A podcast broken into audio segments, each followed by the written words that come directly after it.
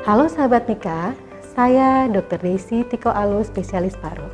Saat ini kita akan mengenal lebih dekat mengenai tuberkulosis. Tuberkulosis adalah penyakit menular yang disebabkan oleh kuman Mycobacterium tuberculosis. Penularan TB terjadi melalui percek renik dahak pasien TB yang dikeluarkan pada saat batuk atau bersin. Percik renik dahak ini akan terhirup masuk menuju paru. Hal tersebut adalah awal perjalanan penyakit TB. Bagaimana dengan gejala TB? Gejala TB terbagi atas gejala pernapasan dan gejala umum. Gejala pernapasan seperti batuk lebih dari dua minggu, batuk darah, sesak.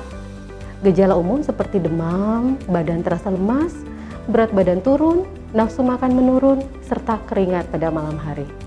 Penting untuk diingat, penyakit TB dapat disembuhkan.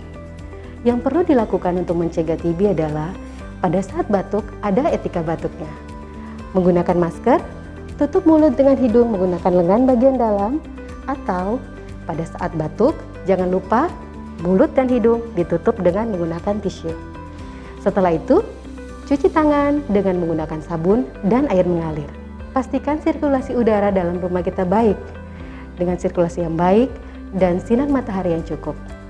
Saat ini, program pemerintah mewajibkan vaksin BCG pada anak ini perlu dilakukan untuk mencegah memberatnya penyakit TB pada anak.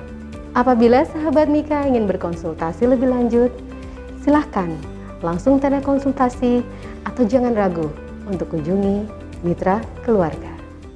Mitra Keluarga, Life, Love, Laughter.